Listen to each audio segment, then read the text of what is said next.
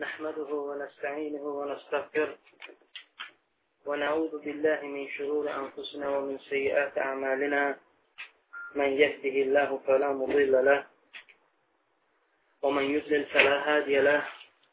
وأشهد أن لا إله إلا الله وحده لا شريك له. وأشهد أن محمدا عبده ورسوله. رب اشرح لي صدري ويسر لي أمري واحلل عقدة من lisani yefqahu qawli. Əmmə bəd, ilk olaraq özümə və sizə Allahdan qorxmağı tövsiyə edirəm. Əlhamdə Allah s.ə. bizə ən böyük neymətini verir, İslam neyməti. Bu dünyada insana verilən ən böyük neymət İslam neymətidir. Buna görə biz həmişə Allaha şükür eləməliyik. Və cənnəti qazanmağımız üçün Allah və Rasulü istədiyi kimi dini yaşamalıyıq.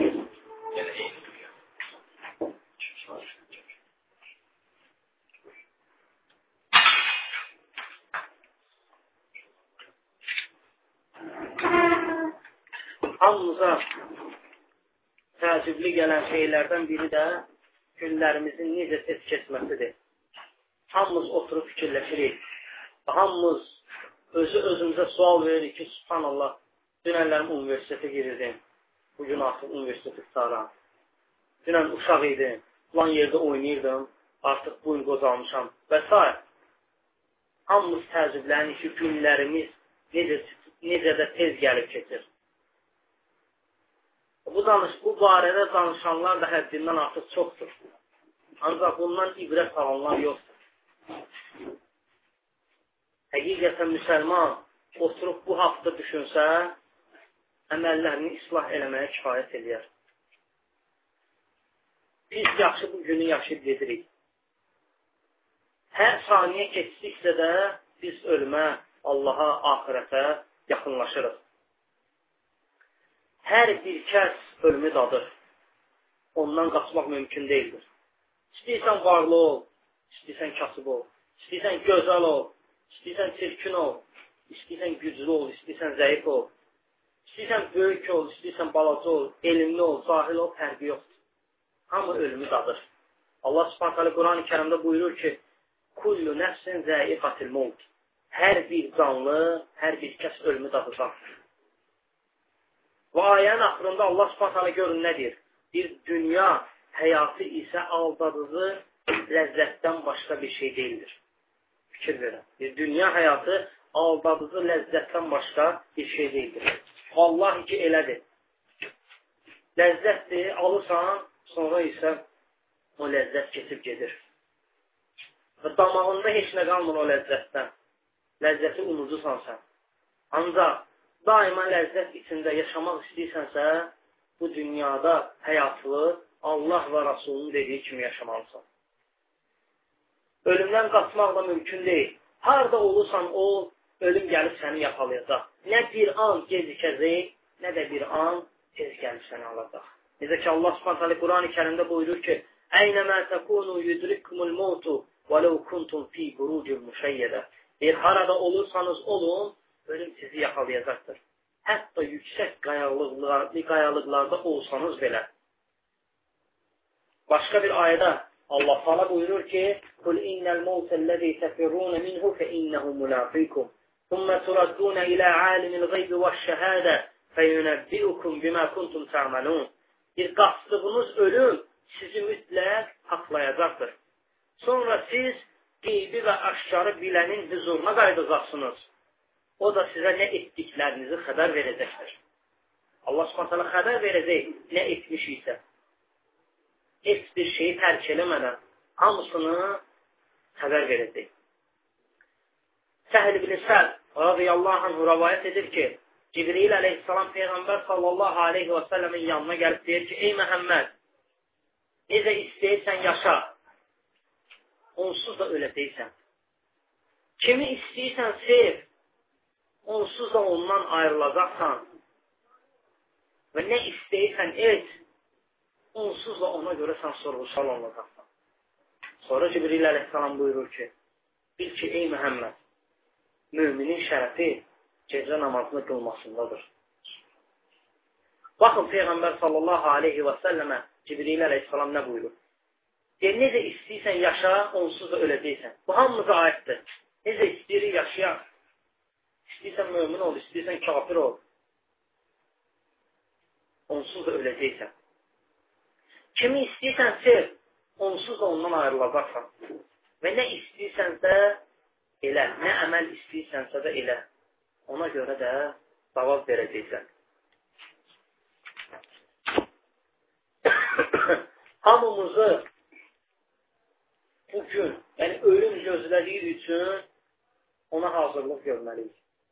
Əgər biz Allaha ibadət edib, onun buyurduqlarını yerinə yetirməsək, qiyamət günü biz xəsarət çəkənlərdən olacaq.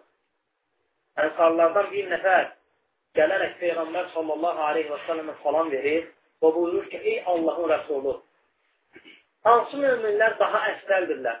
Suala baxın, deyir. Hansı müminlər daha əfsəldirlər? Peyğəmbər sallallahu aleyhi və səlləm buyurur ki, gözəl əxlaqa malik olanlar ən əfsəl möminlərdir. Gözəl əxlaq, subhanallah, fikir verin. Peyğəmbər sallallahu həmişə gözəl əxlaqı bizim nəzərimizə çatdırır. Gözəl əxlaqlı olaq. Doğrudan da biz müsəlmanlardan bu tələb olunur. Biz hamı üçün ibrət olmalıyıq. Əksinə, subhanallah, görürsən ki, bu dəqiqə müsəlmanların əxlaqından şikayət edirlər. Bizim əxlaqımıza görə İslama gəlməkdənsə bizim əxlaqımıza görə İslamdan qaçırlar. Bu da bizim mənfi cəhətlərimizdəndir. Ancaq Peyğəmbər sallallahu aleyhi və səlləmə gör nə cavab verir? Deyir, gözəl əxlaqa malik olanlar ən əsdən müsəlmanlardır. Sonra həmin sahabə təzədən soruşur ki, ey Allahın rəsulu, hansı müminlər daha ağıllıdırlar? Peyğəmbər sallallahu aleyhi və səlləm buyurur ki, ölümü çoxlu xatırlayanlar və ona hazırlıq görənlər ən ağıllı müsəlmanlardır. O müsəlman ki, ölümü xatırlayır və ondan ibrət götürüb ona hazırlıq görürsə, həmin müsəlmanlar ən ağıllı müsəlmanlardır. Nəyə görə? Çünki sabahını düşünür. Ahirətdə peşmançılıq çəkmək istəməyib, əbədi saadətə qovuşmağa can atır. Dərk edir ki, bu dünyanın ləzzəti boş şeydir, ötəridir, gəlib gedir. Ona görə də Peyğəmbər sallallahu aleyhi və sələm axirəti üçün hazırlıq görən müsəlmanları ən ağırlı müsəlmanlar adlandırır. Sələflərin həyatına fikir verdikdə onların necə ölümü xatırlayıb, onun üçün hazırlıq gördüyünü şahidi olursa.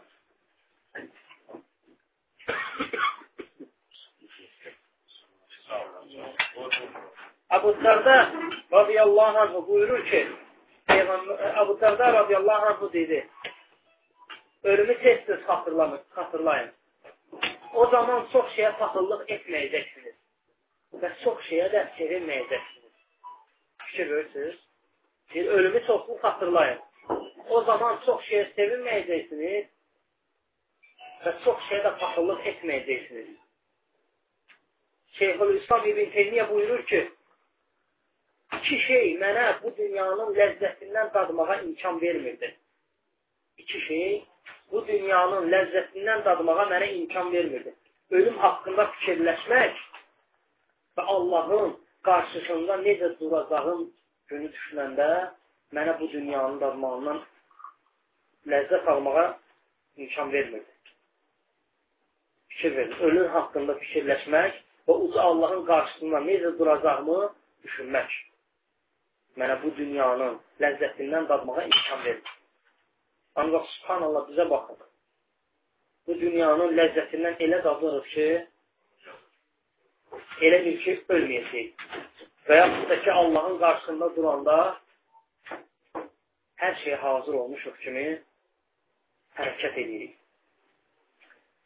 Əbu Hüreyrə radiyallahu anhu rəvayət edir ki, Peyğəmbər sallallahu aleyhi və sələm dedi, ləzzətlərin sonunu yəni ölümü çoxlu yadınıza salın. Ləzzətlərin sonunu, ölümü çoxlu yadınıza salın. İnsan öldükdə qiyamətə ilk addımını atmış olur. Yəni, onun ölümü ilə artıq onun qiyaməti başlayır. İnsanın ölümü ilə onun qiyaməti başlayır. Kiçik qiyaməti. İnsan öldükdə də ailə üzvləri qohumları tanışları onun ətrafına yığışırlar. Ancaq onun nə halda olduğunu özündən başqa heç kəs dərk eləmir. Onu dəfn eləmək üçün də malı, əhli və əməli gedir. Üç şey onunla gedir. Malı, əhli və əməli. Onu torpağa dəfn etdikdən sonra malı və əhli qayıdır. Əməli isə onunla orada qalır. Subhanallah. Yeganə şey əməli qalır. İstəyirsən bu dünyada malın olsun, vəzifən olsun, nəyin olur olsun, ancaq ora gedəndə ancaq səninlə əməlin gedir. Orada sənin, səninlə ancaq əməlin qalır. Malın və əhlin isə geri qayıdır. Əməlinlə baş-başa qalırsan. Sənə fayda verən də məhz o əməlindir. Bu barədə, bu barədə ibrət alaq deyinə Peyğəmbər sallallahu aleyhi və səlləmdən uzun və gözəl ibrətamiz hədis var. Bara ibn Azim radiyallahu anh rəvayət edir ki, ənsarlardan bir nəfərin cənazəsini dəf etmək üçün Baqi qəbirstanlığına gəldik. Peyğəmbər sallallahu aleyhi və sələm qəbrin yanında oturdu və biz də sakitcə onun ətrafında əyləşdik. O əlindəki çubuğu yerə vurdu. Sonra başını qaldırıb dedi, qəbir əzabından Allaha sığınım. Qəbir əzabından Allaha sığınım. O bunu üç dəfə təkrarladı. Sonra isə dedi, mömin bəndə dünyadan köçüb ahirətə qovuşduqda göydən onun yanına üzləri günəş kimi parlaq olan mələklər inir. Onlar göz, onlar özləri ilə cənnətdən kəfən və ətir gətirirlər. Onun gözünün gördüyü son məsafəyə qədər məsafədə gəlib otururlar. Sonra ölüm mələyi gəlib onun başının üstündə oturub deyir, ey gözəl ruh, Allahın mərhəmətinə və xeyir duasına qovuşmaq üçün çıx. Nəhayət, mümin bəndənin ruhu bədənindən su damcısı qabın ağzından axıb töküldüyü kimi çıxır. Yəni, necə rahat tökülürsə, müminin ruhu da onun cəsədindən o cürə rahat çıxır. Ölüm mələyi ruhu götürdükdən sonra onu göz qırpımında oturub gözləyən mələklərə təhvil verir. Onlar da onu kəfənə bürüyüb ətirləyirlər. Sonra isə mələklər həmin ruhu götürüb göyə qaldırırlar. Göyə qalxarkən mələklərdən ibarət hansı toplumun yanından keçirdilərsə, onlar görəsən bu gözəl ruh kimdir deyə sual verirlər. Həmin onu aparan mələklər də bu filankəsin oğlu filankəsdir deyə cavab verirlər. Və onu ən gözəl adla səsləndirirlər. Necə ki, bu dünyada cəmaat onu ən gözəl adı ilə çağırırdı, mələklər də həmin adla müraciət edirlər. Nəhayət, onlar birinci göyə gəlib yetişdikdə, göy qapılarının açılması üçün onlar xahiş edirlər və göyün qapıları onun üzünə açılır hər bir göyün mələkləri o ruhu növbəti göyə qədər beləcə qaldırırlar. Nəhayət, 7-ci göyə gəlib çatdıqda qüdrətli və əzəmətli Allah subhanə buyurur. Mənim qulum barədə olan qeydləri illiyyuna yazılır. İlliyun da müminlərin ya, əməlləri yazıldığı kitabdır. Deyir, illiyyuna yazın. Sonra da onu yerə qaytaram. Çünki mən söz vermişəm ki, onları torpaqdan yaratdım, öləndə də ora qaytaracam və qiyamət günü də oradan çıxardacaqam. Mələklər onun bədəninə qaytardıqdan sonra iki mələk gəlib oturub və Rəbbin kimdir? deyə sual verirlər. Həmin insan Rəbbim Allahdır deyir. Sonra deyirlər ki, dinin nədir? O buyurur ki, dinim İslamdır. Sonra deyirlər ki, sizə göndərilən o kişi kim idi? həmin salih bəndə də bu Allahın elçisi Muhammed sallallahu aleyhi və səlləmdir deyə cavab verir. Sonra ona deyirlər ki, həyatda ikən sən nə öyrəndin? O yenə cavab verir ki, mən Allahın kitabını oxuyub, ona iman gətirdim və ona sadiq oldum. Allah subhanət hələdən istəyirəm ki, bizi də o bu cürə cavab verənlərdən eləsin. Bu vaxt göydən bir səda gəlir. Bir mənim qulum doğru danışır kibirdir. Mənim qulum doğru danışır. Cənnət nemətlərini onun önünə sərin. və onun üçün cənnətdən bir qapı açın. Beləliklə cənnətin gözəl iyi, havası ona gəlir. Qəbri də gözünün gördüyü son məsafəyə qədər genişlənir. Sonra gözəl, görkəmli, əyni yaraşıqlı, paltar, əyni yaraşıqlı paltarlı olan, üst, başı, üst başından ətir iyi gələn bir kişi onun yanına gəlir. Və deyir, səni sevindirəcək bir xəbərə sevin. Bu sənə ya bu sənə vəd olunan gündür. Mömin deyir ki, sən kimsən? Sənin üzündən xeyirxahlıq yanır. Həmin o kişi deyir ki, mən sənin yaxşı əməllərinəm. Mömin də görür, bunu görəndən sonra dua edir. Deyir, Allahım, bu qiyamət günü tez gəlsin ki, mən öz aləmə, var dövlətimə sahib olum. Çünki ona cənnətdə yerini göstərirlər. Ona görə dua edir ki, qiyamət günü tez qopsun. Kafir bəndə isə öldükdə bu dünyadan köçüb axirət həyatına qovuşduqda göydən onun yanına zəhimli, qara simalı mələklər enir. Onlar özləri ilə cəhənnəmdən cod parça gətirirlər və gözünün gördüyü son məsafədə oturub gözləyirlər. Sonra ölüm mələyi gəlib onun başının üstündə oturub deyir, ey yaramaz ruh, Allahın qəzəbi qeyzinə düçar, ol, düçar olmaq üçün çıx. Subhanallah, Allah subhanallah bizi qorusun. Nəhayət onun ruhu bədən, bədənindən tikanlı məhdil yaş, yaş yunun, ara, tikanlı məhdil yaş yunun arasından keçdiyi kimi çıxır. Yəni, o cürə çətin çıxır bədənindən. Ona zülüm, əziyyət verə-verə çıxır. Ölüm mələyi ruhu götürdükdən sonra bir göz qırpımında oturub gözləyən mələklərə onun ruhunu təhvil verir. Onlar da onu cəhənnəmdən gətirdikləri çox parça ilə kəfənləyib göyə qaldırırlar. Göyə qalxarkən mələklərdən ibarət hansı toplumun yanından keçirdilərsə, o mələklər görəsən bu iyrənc ruh kimin ruhudur deyə soruşurdular. Onun ruhunu aparan mələklər isə cavab verirdi ki, bu filan kəsin oğlu filan kəsdir. Yəni bu dünyada cəmaatın arasında onu həyatda ikən çağırdığı ən pis adla çağırırlar. Nəhayət onlar birinci göyə gəlib yetişdikdə göyün qaplarının açılmasını xahiş edirlər. Lakin göyün qapları onların, onun, o ruhun üzünə açılmır. Sonra isə Peyğəmbər sallallahu aleyhi və səlləm bu ayəni oxudu.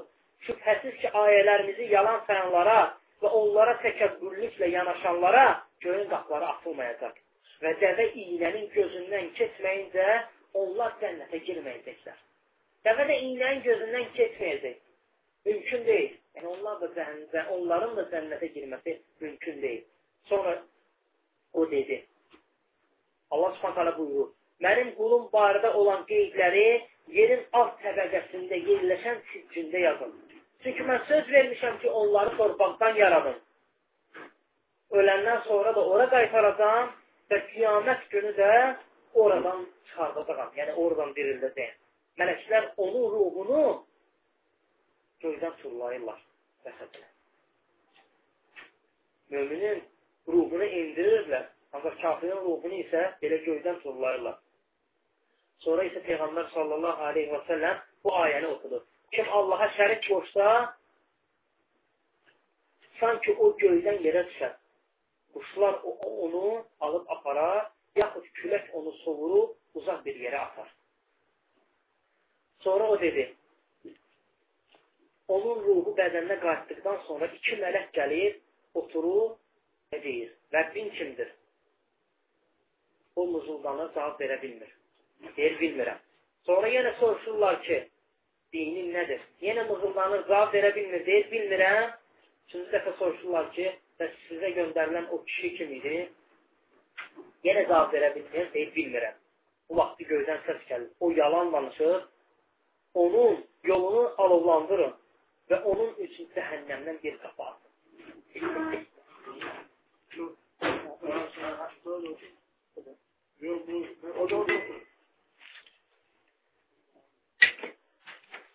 Sonra Peyğəmbər Sosan buyurur ki, beləliklə cəhənnəm atəşi və alovu, küləyi ona dəyir. Qəbri də qabırğaları biri-birinə girənə qədər sıxılır. Sonra eybəcər sifətli, əynində pis paltar olan pis başından pis qoxu gələn bir kişi gəlir, onun yanına gələrək deyir, mən sənin, mən səni kədərli bir xəbərlə müştələyirəm. Bu, sənə vəd olunan gündür. Kafir, sən kimsən? Sənin üzündən şər yağır deyə cavab verir. O da deyir ki, o da sor, o da deyir ki, mən sənin pis əməllərinə, yaramaz əməllərinə. Kafir deyir ki, Allahım, qiyaməti qoparma. Qiyaməti qoparma. İnsan əsasən bədən və ruhdan ibarətdir. Şeyxülislam İbn Teymiyyə deyir ki, bu dünyada əsas güc bədənə düşür. Az güc ruha düşür. Qəbirdə isə əsas güc ruha düşür, az güc bədənə düşür. Qiyamət günü isə ikisinə də bərabər səviyyədə düşür. Ona görə qəbr əzabından Allaha sığınır. Osman radiyallahu anhu qəbrin yanından keçəndə ağlayırdı. Hətta onun qulu Mövlası olan Həmi radiyallahu anhu buyurur ki, Osman radiyallahu anhu qəbrin yanından keçəndə o qədər ağlayırdı ki, saqqalı belə islanardı.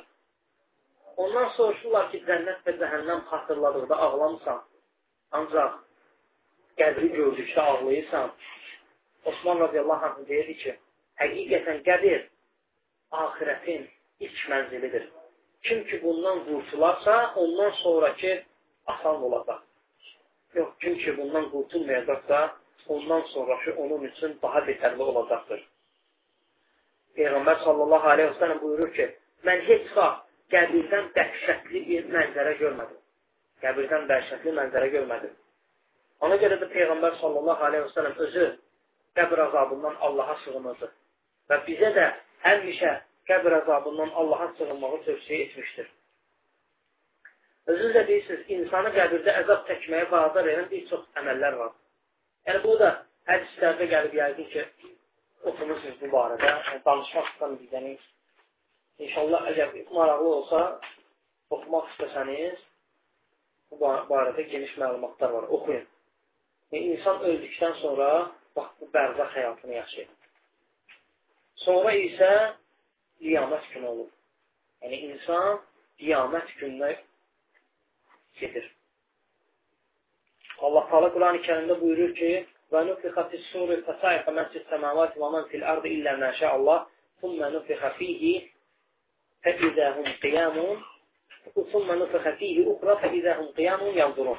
Deyir, sur üfürüləcək və Allahın istədiyi kimsələrdən başqa göydə və yerdə kim varsa hamısı öləcəkdir. Sonra bir daha üfürülən kimi onlar qalxıb, onlar qalxıb baxacaqlar. Yəni, hər bir insan öldükdən sonra sur üfürüləcək. Sonra da üfürən İsrafil əleyhissalam olacaq. Suru üfürəndə, birinci suru üfürəndə hər şey daha mı öləcəkdir? Hər şey məhv olacaq, daha mı da öləcəkdir? Hətta mələklər də öləcəkdir. Ancaq Allahın istədiyi şəxslərdən başlar. O da ki, Allah Taala'nın yaratdığı illər və s. məxluqlardan başqa hamısı məhv olacaq. Sonra ikinci dəfə sur üfürüləndə insanlar yerindən qalxaraq Allahın hüzuruna gedəcəklər. Allah subhanətələrin vəd elədiyi gün həmin vaxt o gündür. Biz də bilirik ki, Allah subhanətələ vədinə xilaf çıxmır. O gün doğrudan dəhşətli gündür. Hətta Peyğəmbər sallallahu aleyhi və səlləm Görün, hədisdə nə buyurur? Ancaq hədisi qeyd eləməmişdən qabaq Peyğəmbər sallallahu aleyhi ve sellem o şəxsdir ki, hansı ki Allah subhanətələ onun bütün günahlarını bağışlayır. Onu cənnətdə ən yüksək dərəcə ilə mükafatlandırır. Yəni, onun, ona veriləcək yer heç bir Peyğəmbərə verə verilməyib. O şəxsdir Peyğəmbər sallallahu Görün Peyğəmbər salsan nə buyurur? Bir necə sevinin? Surun sahibi suru ağzına yaxınlaşdırır. Peyğəmbər salsan buyurur ki, necə sevinin? Surun sahibi suru ağzına yaxınlaşdırıb Allahın əmrini gözləyir ki, Allah ona əmr eləsin. O da bir suru üfürsün. Necə sevinin? Peyğəmbər sallallahu aleyhi ve sellem buyurur qeyd elədiyim kimi, o Peyğəmbər sallallahu aleyhi və səlləm ki, sağlığında cənnətin ən yüksək dərəcəsi ilə müjdələnib. Allahın xəlilidir. Ən çox sevdiyi insandır. Buyurur ki, bir mən necə sevinə bilərəm? Surun sahibi suru ağzına yaxınlaşdırıb Allahın əmrini gözləyir ki, üflüsün. Mən necə sevinə bilərəm? Ancaq subhanallah bizə fikir verin. Getdiyimiz yerin cənnət və yaxud cəhənnəm olacağını bilmirik. Elə bir güclü əməl də hazırlamamışıq. Ancaq elə yaşayırıq ki, elə sevinik ki, elə bir artıq, artıq cənnətə düşmüşük. Peyğəmbər sallallahu aleyhi və sələm buyurur ki, Cəbrail aleyhissalam cəhənnəm yaranandan bu günə qədər gülməyib. Bəzi rəvayətdə Mikail də gəlir. Baxın, subhanallah, mələk, hansı ki, Allahın əmrinə ansı olmur. Daima Allahın buyurduqlarını yerinə yetirir. Bir ki, cəhənnəm yaranandan bu günə qədər gülməyib. Ancaq subhanallah biz elə görürük ki, elə bir artıq cənnətə düşmüşük. Nəinki cənnəti qazanmışıq. Artıq elə bir cənnətə düşmüşük. O cürə biz həyatımızı yaşayırıq, rahat yaşayırıq. Sonra isə Allah subhanələ yağış indirəcək və insanlar yerlərindən düzələcəklər. Bütün insanlar və heyvanlar öz ruhlarına qovuşacaqlar. İnsanlar qəlblərindən çıxdıqda ətrafa baxacaqlar. Göylərin necə parça-parça olmasını, ayaqların altının necə sirkələnməsini, böyük dağların didilmiş yum kimi olduğunu, ulduzların dənizlərə sökülməsini, dənizlərin qaynamasını, göylərin parça-parça olduğunun şahidi olacaqlar. Bütün insanlar bu dəhşəti görəcəklər. Və hamısı sərxoş və sonunda olacaq.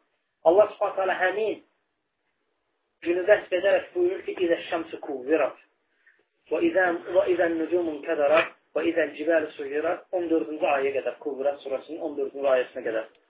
Allah subhanətələ buyurur ki, günəş əmmamə kimi sarılıb büküləcəyi, ulduzlu ulduzlar yağış dənələri kimi yerə səpələcəyi, dağ, dağlar yerindən qopacağı, vəhşi heyvanlar biri-birindən qisas almaq üçün bir yerə toplanacağı, dənizlər od tutub yanacağı və yaxud da daşacağı gün, ruhlar bədənə qovuşacağı, və s. Amma Allah subhanət həmin o ayələrdə 14-cü ayəyə qədər dəst edir həmin o qiyaməti. O gün insan öldükdən sonra dirildiyini görür, dəhşətə gəlib deyəcək ki, Qalu ya veylənə, mən bə'tənə min marqadinə, Həzə mə va'də rəhman və sadaqəl mürsəlun, İn kənət illə sayhətən vahidətən, fəizə hum cəmiyyun ləzinə muhtərun. Bir vay halımıza qalxandan sonra, ruh bədənə qovuşduqdan sonra dərk eləyəcək ki, bu günüm üçün heç nə hazırlamamışam. Ona görə deyəcək ki, vay halıma. Qiyamət günündə də fikir verin.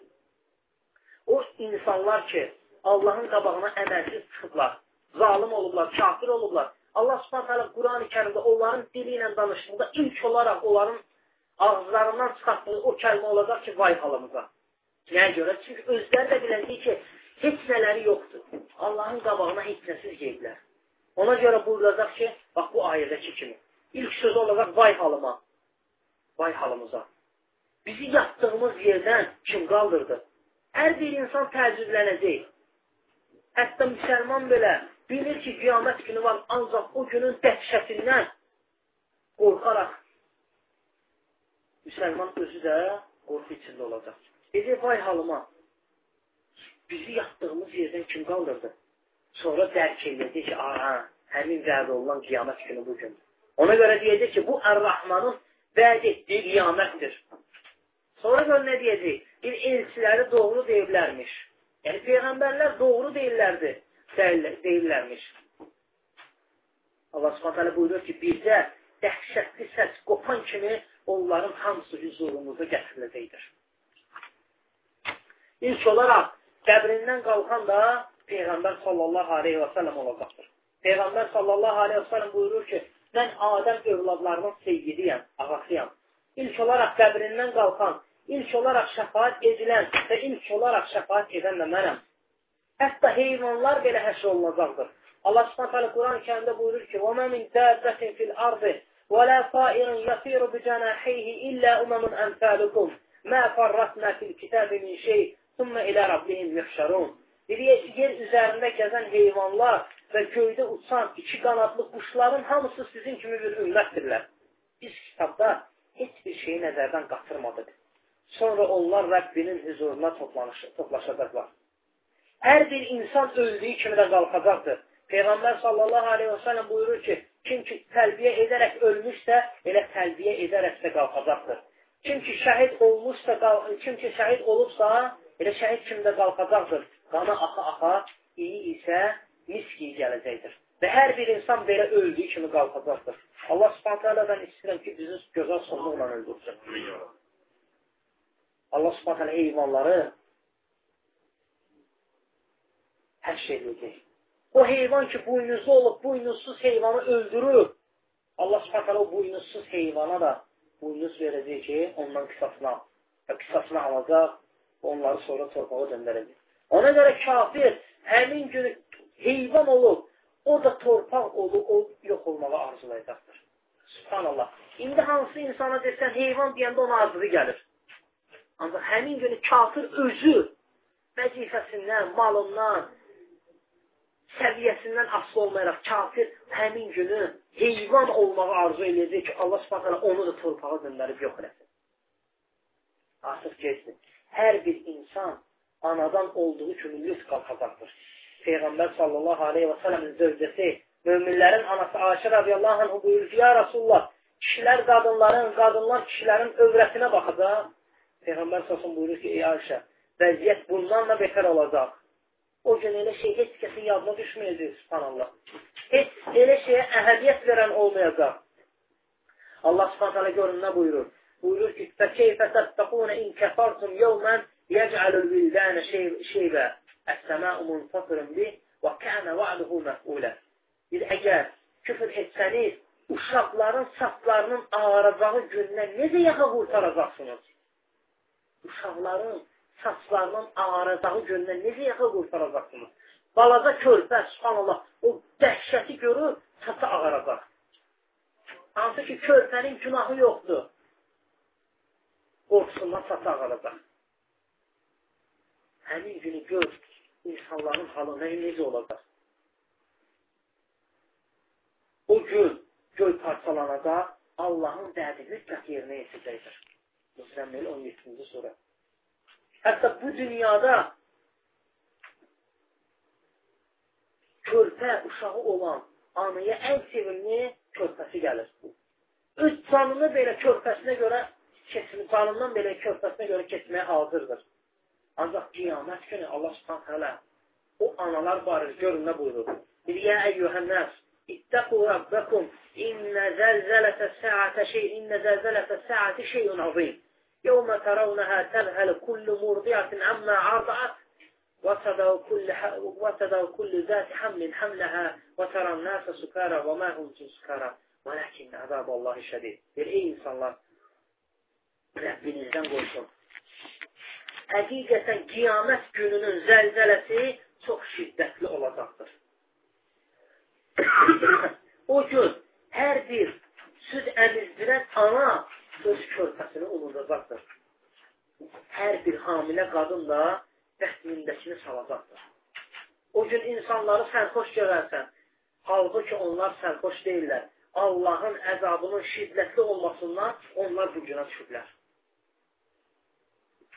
Allahın əzabının şiddətli olmasından onlar bu günə düşüblər. Fikir verirsiniz həmən günə. Allah subhanələ deyir, o gün siz əməl qadının öz körpəsini unudacaq atıb qatacaq, qatacaq, heç o haqda fikirləşməyəcək. Öz ana, öz bətnindəki qadın, öz bətnindəki uşağını atacaqdır. Heç ona əhəmiyyət verməyəcəkdir. Allah subhanətələ buyurur ki, o gün sən insanları sərxoş görərsən sərxoş kimi olacaqlar. Ancaq Allah Subhanahu bəyan edir ki, onlar sərxoş deyillər. Ancaq Allahın əzabı şiddətli olduğu üçün onlar bu hala düşüblər.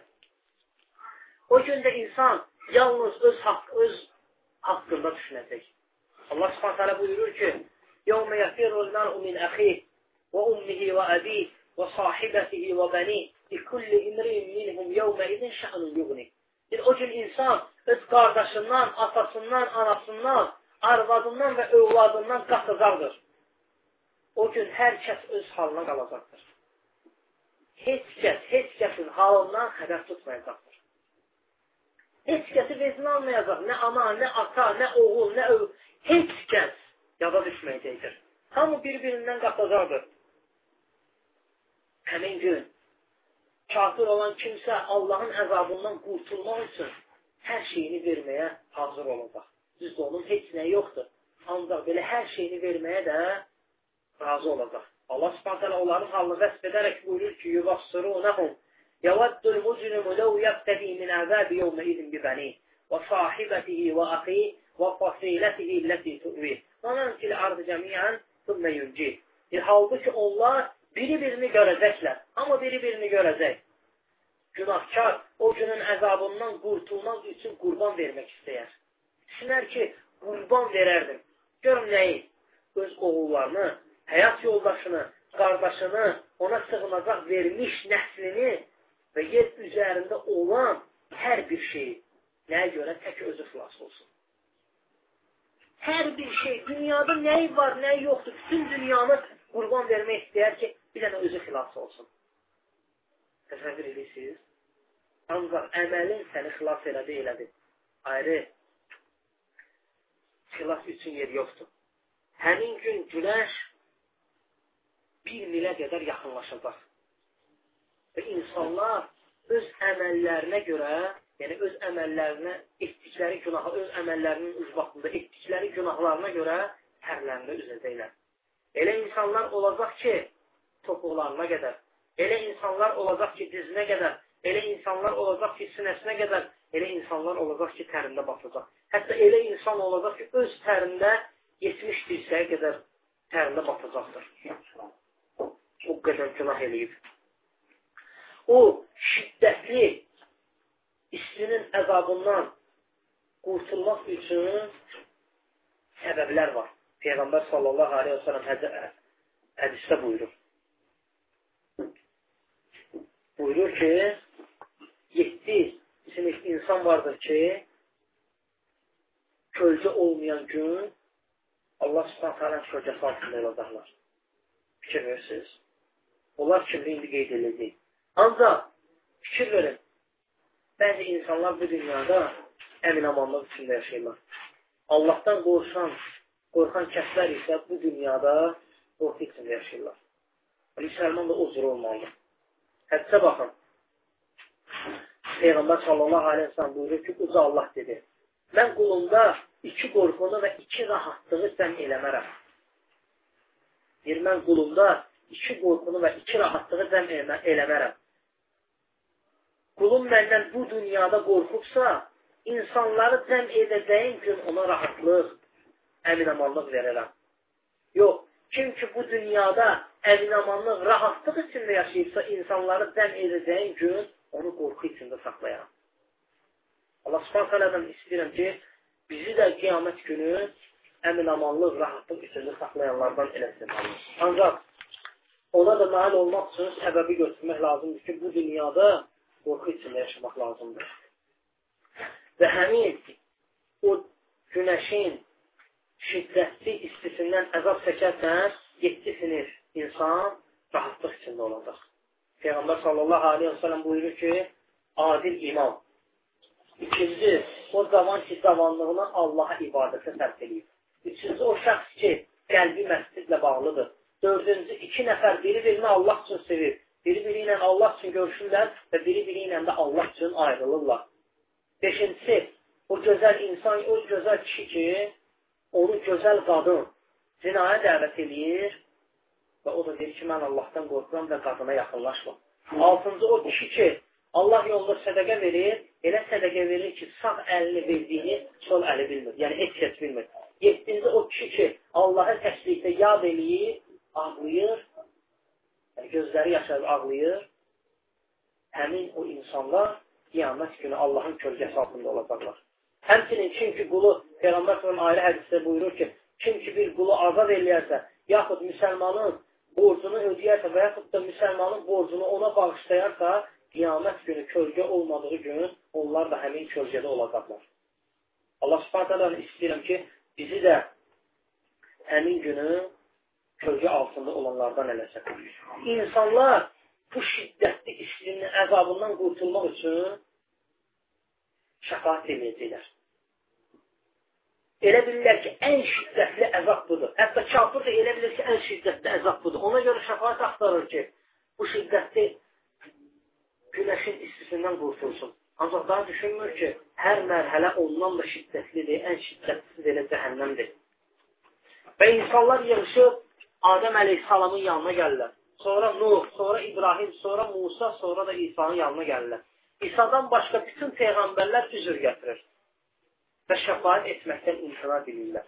İmtina, imtina edirlər. Yalnız hədisdə İsa əleyhissalamın nəyə görə imtina elədiyi bildirilmir. Ancaq İsa əleyhissalam buyurur ki, gedin deyir o şəxsin yanına ki, o peyğəmbərin, o Muhammed əleyhissalamın yanına gedin ki, Allah subhanət onun bütün günahlarını bağışlayır. Və insanlar şəfayət üçün Peyğəmbər sallallahu aleyhi və səlləmin yanına gəlirlər. Və Peyğəmbər sallallahu aleyhi və səlləm Allah subhanət insanları haqq hesab eləmək üçün şəfayət edir. Gəlir Allah Taala'nın huzuruna və səcdə edir. Və Allah subhanət da buyurur ki, ey Məhəmməd, başını qaldır və istədiyini dilə. Peyğəmbər sallallahu başını qaldırıb və insanları haqq hesaba çəkmək üçün şəfaət edir. Allah subhanətələ də ondan sonra hesaba başlayır. Allah subhanətələ də hər bir insanla arada tərcüməçi olmadan danışır. Ömər radiyallahu anh buyurur ki, ahirətdə Ömər radiyallahu anh buyurur ki, ahirətdə sorğu-suala çəkilməzdən əvvəl öz nəfsinizi sorğu-suala çəkin. Kim ki, dünyada öz nəfsini sorğu-suala çəkərsə, ahirətdə sorğu-suala azalar və sor soruşulan suallara da cavab tapar. Həyat, sələflərin həyatına fikir verdikcə görürük ki, onlar qiyamət günü üçün necə hazırlaşardılar. Daima özlərinə hesaba çəkərdilər ki, qiyamət günü Allah subhanələ onlara hesaba çəkdikdə güncül olsun suallara. Əbu Hüreyrə radiyallahu anh ölüm anında ağlayır. Gəlib deyirlər ki, ey Əbu Hüreyrə, Nəyə görə ağlayırsan? Səni ağladan nədir? Abu Hureyra görün nə deyir? Bir səfərin uzunluğu, azuqanın azlığı və imanın zəifliyi bir də ki, sırat körpüsündən keçərkən halım necə olacağıdır mənə ağladan. Fikir görürsünüz? Görün nə buyurur? Bir azuqanın azlığı, imanın zəifliyi bir də sıratın üstündən necə keçəcəyini mənə ağladan. Subhana, o sahabə ki, görün, İslam üçün necə iz qoyur. Ən çox rəvayət, hədis rəvayət edilən sahabədir. Ən çox. Görün, İslama necə xeyir verir. Sağlığında ikən cənnətlə müjdələnən sahabələrdəndir. Sahabə böyük şərəfə nail olur. Ancaq onunla belə görün, necə ağlayır. O gün üçün necə qorxur, subhanə, fikir verin. Ancaq bizə fikir verin. Biz elə danışıb görürük ki, elə bir ki, artıq biz cənnətə düşmüşük. Allah subhanət hələ buyurur ki, Ya eyyuhəllədin əmənu, İttəqullaha və ltənzur nəfsin mə qəddəmət li qadi və ittəqullaha innallaha xabirun bimə tə'malun. Deyir, ey iman gətirənlər, Allahdan qorxun. Allahdan qorxun. Hər kəs sabahı üçün hazırladığına baxsın. Amma oturub düşünsə ki, mən sabah üçün nə hazırlamışam və məni nə gözləyir? Vallahi ki, kifayət edir. Dərs alması üçün, ibrət alması üçün kifayət edir. İnşallah gələn dərsimizdə dərsi davam edərik. Elə gəl bu qədər kifayət edir. Sallallahu aleyhi ve sellem.